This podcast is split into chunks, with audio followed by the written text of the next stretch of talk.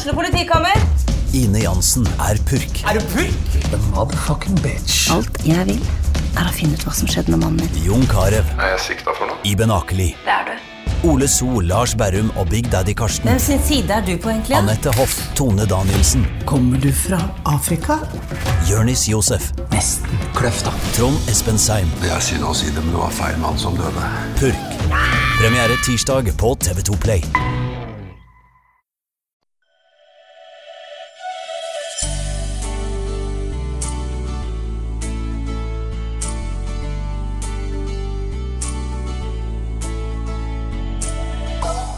Du hører på Sommerlyd, en podkast fra Tønsbergs Blad.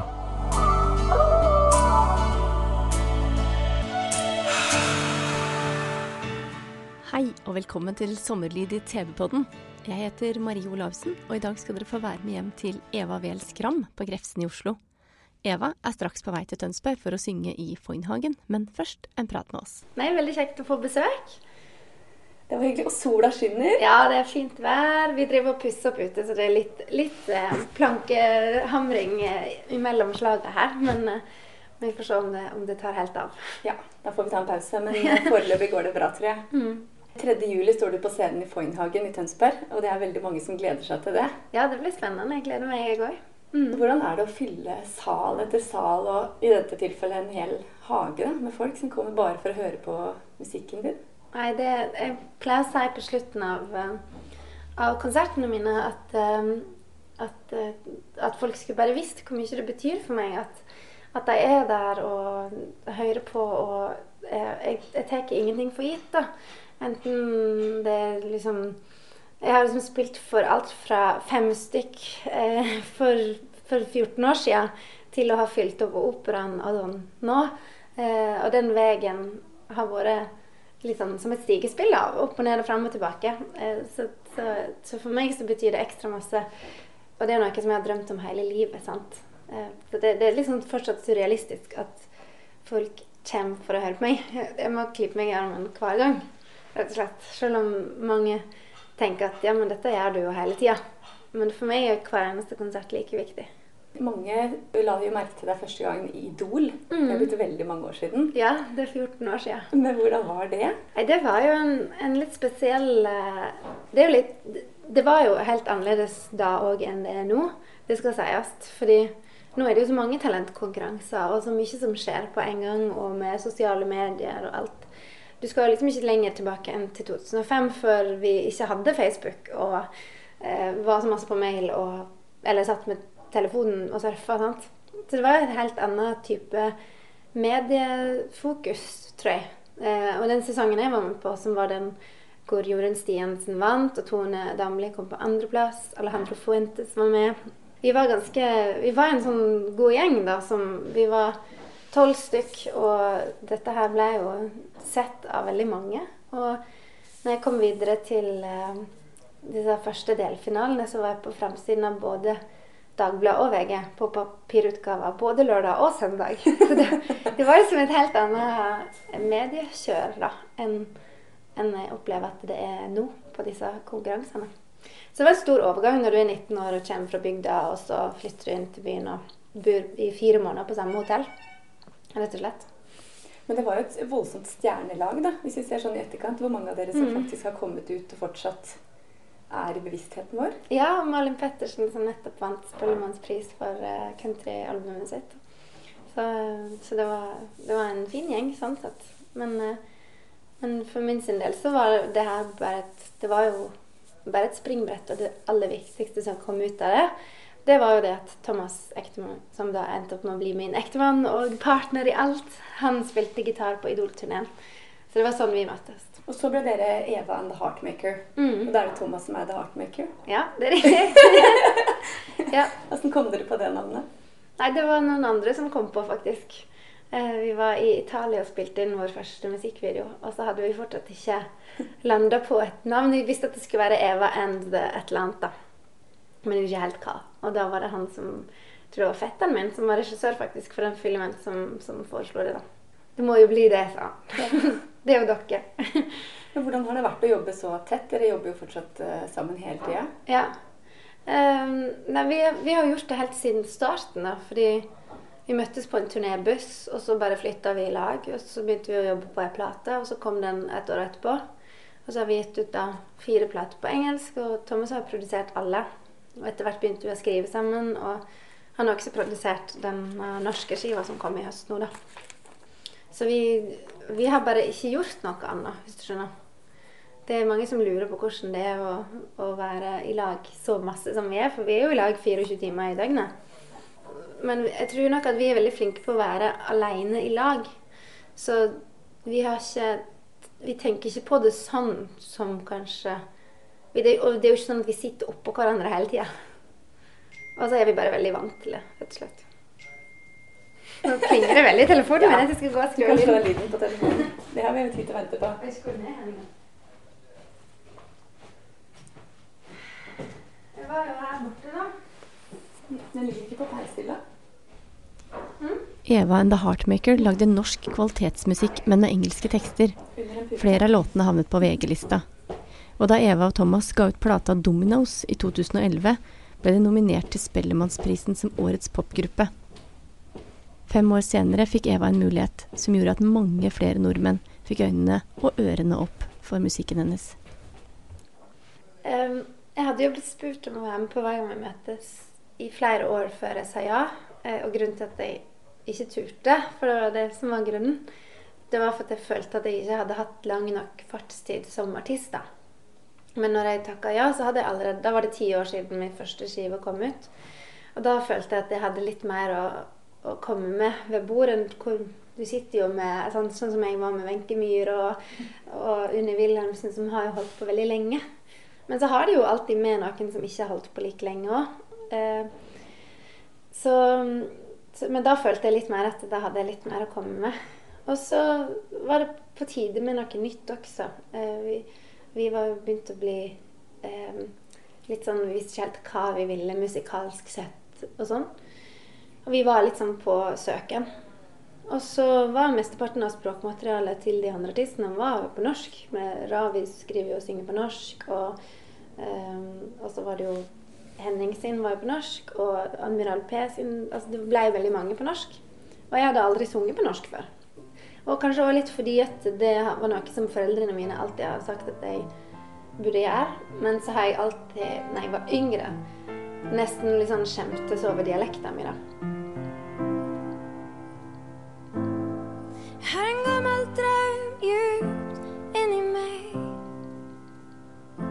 Den er motoren i mitt sinn. Jeg husker første gangen jeg skulle si til noen at jeg elsker deg, så, så, så, sa jeg det dritfort på bokmål. For jeg synes jeg hadde øvd på det, og det hørtes så mye finere ut. Mens nå når jeg er voksen, så er jeg veldig stolt over eh, denne dialekta. Og tvert imot syns at det funker nesten bedre i musikk. Vi har stått i blåsten, av dumhet, men også mot og trass det blir nesten som svensk. At det blir Det er litt mer sånn musikalsk språktone i, i dialekta, da. Det, ja. Så når jeg da gjorde det her på norsk, så merka jeg plutselig at oi, det var jo litt Det var jo litt kjekt, faktisk. Og så dro vi ut på turné eh, umiddelbart etter at eh, denne sesongen hadde premiere helga etter at sønnen min ble født. Eh, jeg hadde med meg Det var tett? Det var tett. Jeg kom hjem fra sykehuset på torsdagen og dro på presselansering på fredagen. Og dro rett ut på, på turné egentlig bare to uker etterpå. Og det, var, det gikk jo kjempefint. Men det, det, var nettopp dette med at jeg merka i forhold til publikum en helt annen kommunikasjon. Pluss at det bare skjedde mer med Det har skjedd vel Jeg har nok utvikla meg veldig sånn som person da, de siste åra. Eksempel så snakka jeg aldri før mellom låtene på konserten, og det, nå er det jo til hvert nesten sånn at jeg snakker altfor masse. Men eh, det er mange ting Jeg hadde nok blitt tryggere på meg sjøl og, og tør å ta litt mer plass òg. Og da blir det mye mer autentisk og ekte. og Det, det tror jeg at publikum merker. Så, så, vi har en veldig fin Hva skal jeg si vi har, vi har det veldig fint i lag, publikum og jeg, når vi har konsert. Eh, det er alt fra grining til latter til eh, hulking til og med på noen ting. Og så er de helt stille, men er òg helt med. Så det, det, har blitt en veldig sånn spesiell eh, et bånd mellom oss. Og det høres skikkelig teit ut når jeg sier det sånn. Det høres veldig sånn svevende ut. Men, men ja. Får bare komme og høre sjøl, så skjønner du hva det går i. Ja, vanskelig å forklare, egentlig. Jeg tror nok at det er mange unge òg som har kommet med på disse her eh, nye låtene. Fordi jeg har jo delt mye mer av min egen historie også i forbindelse med denne plata som kom i høst, som heter 'Finneheim'. Og jeg, eh, første, fordi at første låta jeg ga ut, var en låt som heter 'Bare la meg være'. Som handler om usikkerhet og å skyve andre vekk fra seg fordi du føler at du ikke er bra nok sjøl. Og for å på en måte snakke litt mer om hva som var bakgrunnen for den låta, så var jeg på Lindmo og skulle spille den og snakka med henne. Og da fortalte jeg om litt av det jeg hadde snakka om på hver gang vi møtes, eh, i forhold til at jeg ble mye mobba da jeg var liten, som var derfor jeg begynte med musikk. Det var noe som jeg ikke hadde delt før hver gang vi møtes, for jeg følte ikke det var relevant, og jeg ville ikke være hun artisten som eh, eh, det, Jeg føler alle som driver med musikk eller et eller annet kunstform, kanskje har en litt sånn bakgrunn. Og det tror ikke jeg er tilfeldig heller. Jeg tror at mange søker trøst i en eller annen kunstform. da. Mm. Men for meg da så var det sånn Nei, det er vaskemaskin. Oppvaskmaskina. Oppvaskmaskin. Den kommer til å pipe mange ganger. Ja.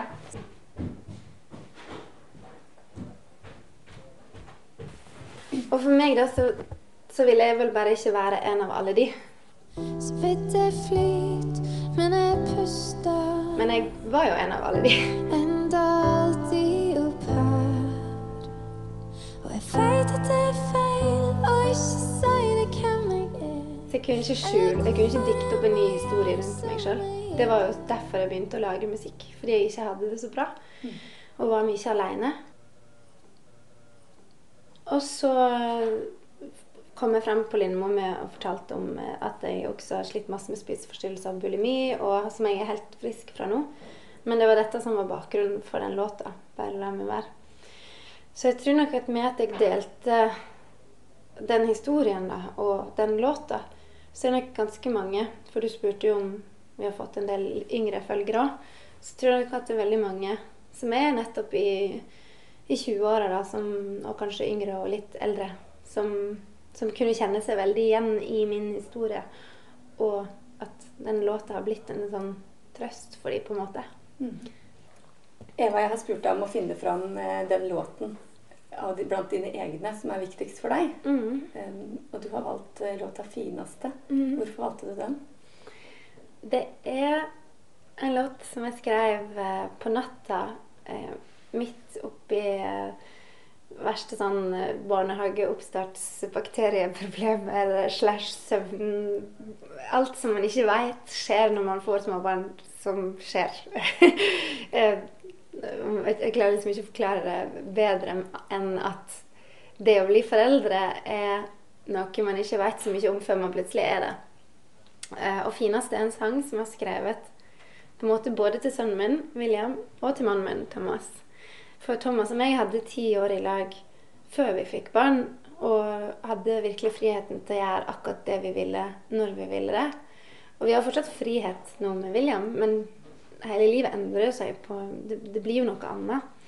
Og så er det jo litt sånn Vi har jo vært veldig heldige. Han er frisk, og det er ikke noe sant. Men, men jeg tror alle småbarnsforeldre, selv om ungene er friske, har, det er noen tøffe år i starten der. Og for oss som parallelt kjørte Hadde jo ikke noen mammaperm eller pappa-perm. Vi hadde turnéstart to uker etter at han ble født.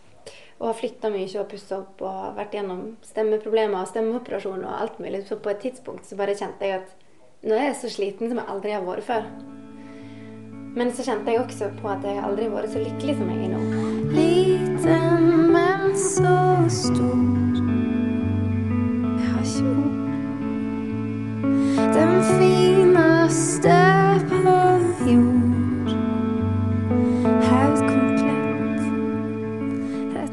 den natta som var en sånn typisk natt hvor William hadde skreket og styrt på hele kvelden, eh, og så våk, våkner på natta og så, sånn endelig sovner attmed meg, og han bare ser ut som en sånn engel der han ligger. Han ser ikke ut som han skreker masse, i hvert fall. Og da tenkte jeg at han er den fineste. Og også at Thomas er det. Og at vi på en måte Nå er han jo tre år, så nå føler jeg vi på en måte har kommet igjennom det. Og vi har klart det sammen. da. Og vi, kun, vi kommer alltid til å se tilbake på det når vi blir eldre, sånn som mamma og pappa.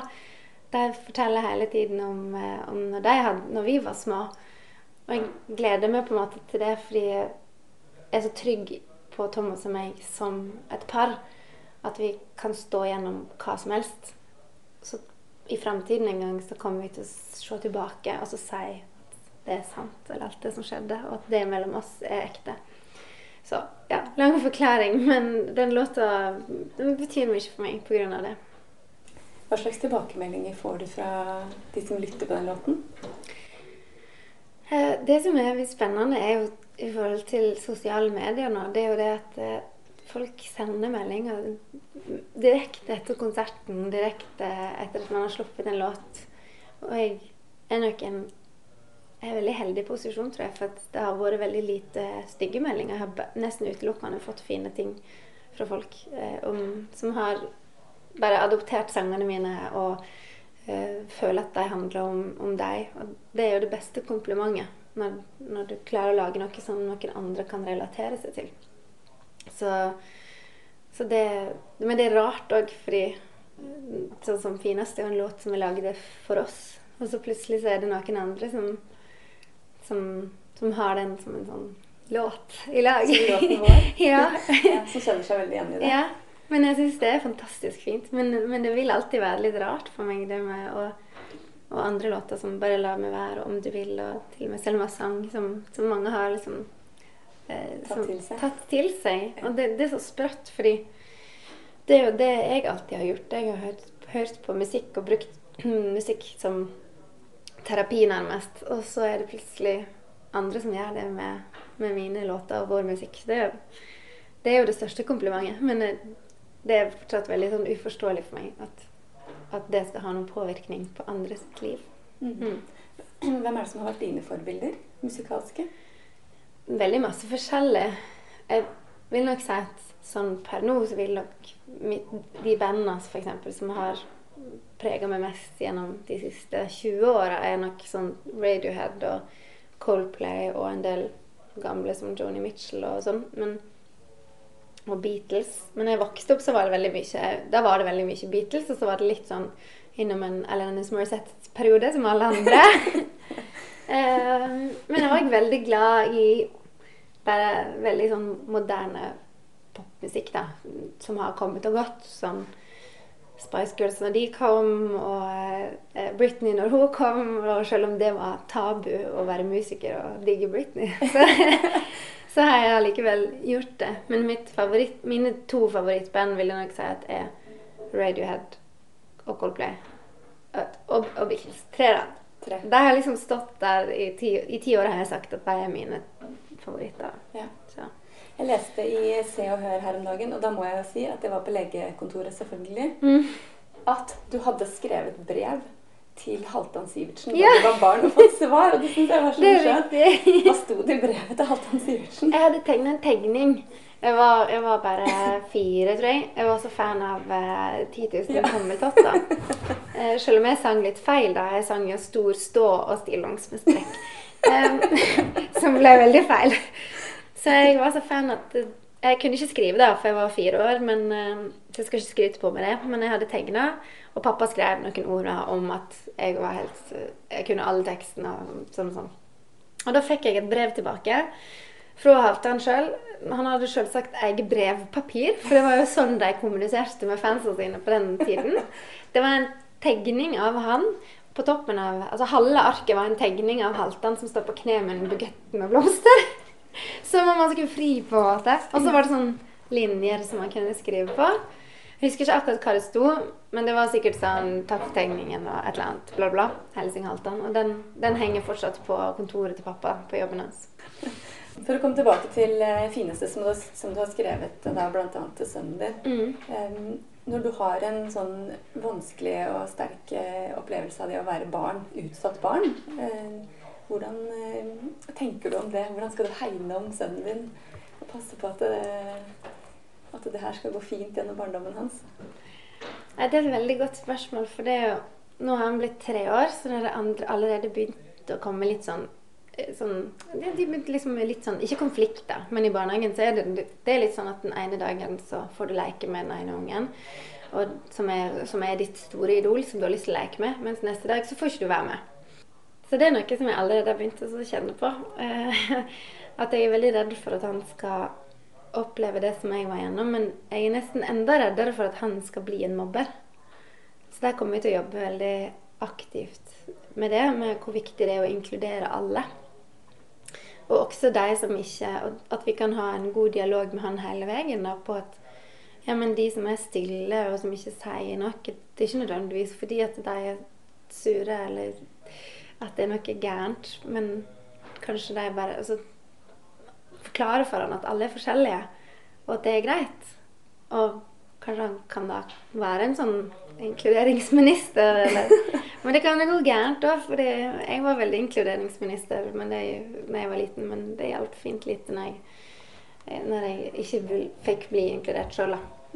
Så det er litt sånn sårt. Så det, det, kjenner jeg at jeg må jobbe litt sånn ekstra med meg sjøl. At det er bare sånn for alle barn i en periode. Men jeg er litt sånn ekstra redd for det, ja. Det er jeg. Opplever du at det er mer åpenhet rundt uh, mobbing ja. nå enn da du vokste opp? Jeg tror absolutt at det er noe helt annet nå enn da jeg var liten. Fordi jeg tror også at nettopp det som jeg snakket om nå, er at, at jeg tror flere, alle foreldrene er litt mer fokusert på at sine egne barn kan være mobbere. Det var ikke et fokus før. Fordi det jeg opplevde, var jo at mamma prøvde å kontakte de foreldrene til de ulike barna det gjaldt. Og de var helt sånn Nei, men mitt barn har ikke sagt noe sånt. Mitt barn har ikke gjort det. Og var veldig sånn nekta for det. Mens i hvert fall sånn som jeg snakka med naboene her, som har barn på skolen, så har de foreldregrupper i sosiale medier, og de, har en veldig, de snakker veldig mye i lag da, om hvordan eh, de skal gjøre det best for alle barna. Mm. Det tror jeg er en veldig fin ting. Og så er det mye mer åpenhet rundt alt nå, føler jeg. Som sikkert er både positivt og negativt. Og så er det selvfølgelig en ny type mobbing nå som ikke var da jeg var liten, og i forhold til Snapchat og, og sånne ja, sosiale medier. er veldig sånn på godt og på vondt. Eh, det kan jo være at du blir ekskludert ved å bare ikke få en melding om ting. sant? Så det er vel ulike ting som man må streve med i ulike tidsperioder uansett. Så og barn vil vel alltid være barn, og foreldre vil alltid bekymre seg. Eh, så sånn det er da når man velger å utsette seg for det og, og få barn, så blir det en del bekymringer som følger med.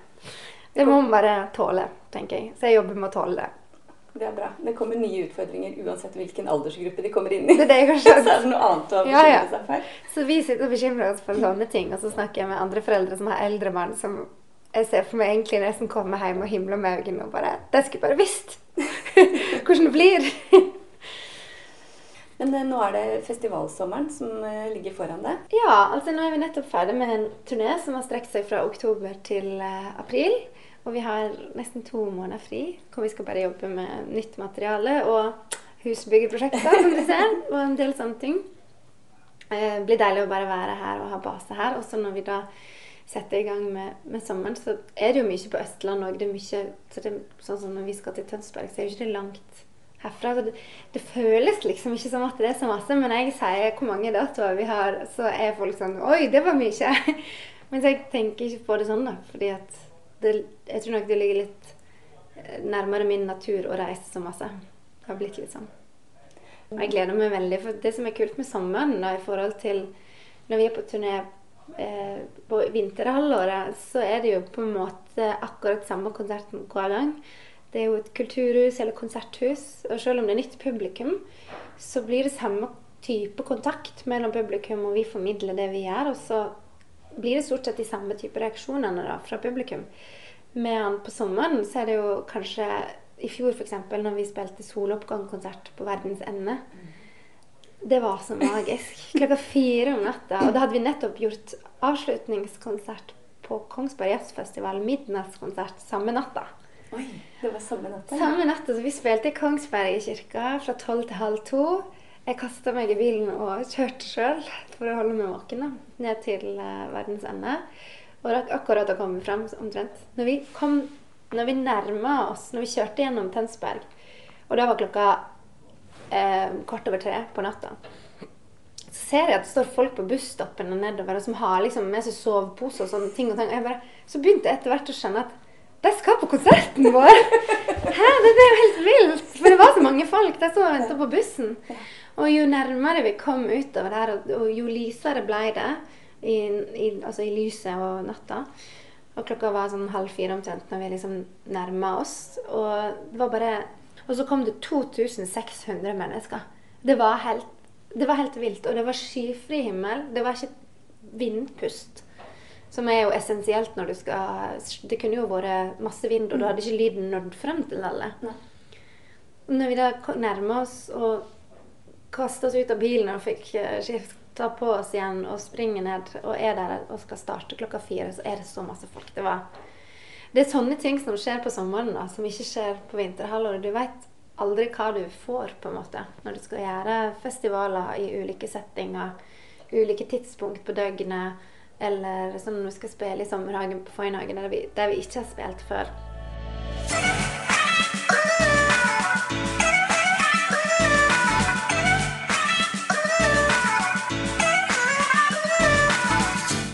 Du har akkurat hørt på Sommerlyd, en podkast fra Tønsbergs Blad.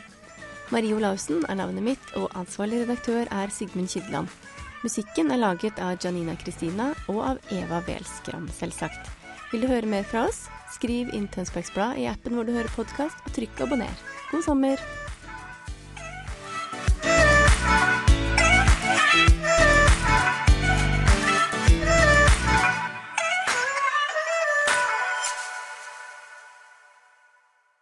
Har du et enkeltpersonforetak eller en liten bedrift? Da er du sikkert lei av å høre meg snakke om hvor enkelt det er med kvitteringer og bilag i fiken, så vi eh, gir oss her, vi. Fordi vi liker enkelt. Fiken superenkelt regnskap.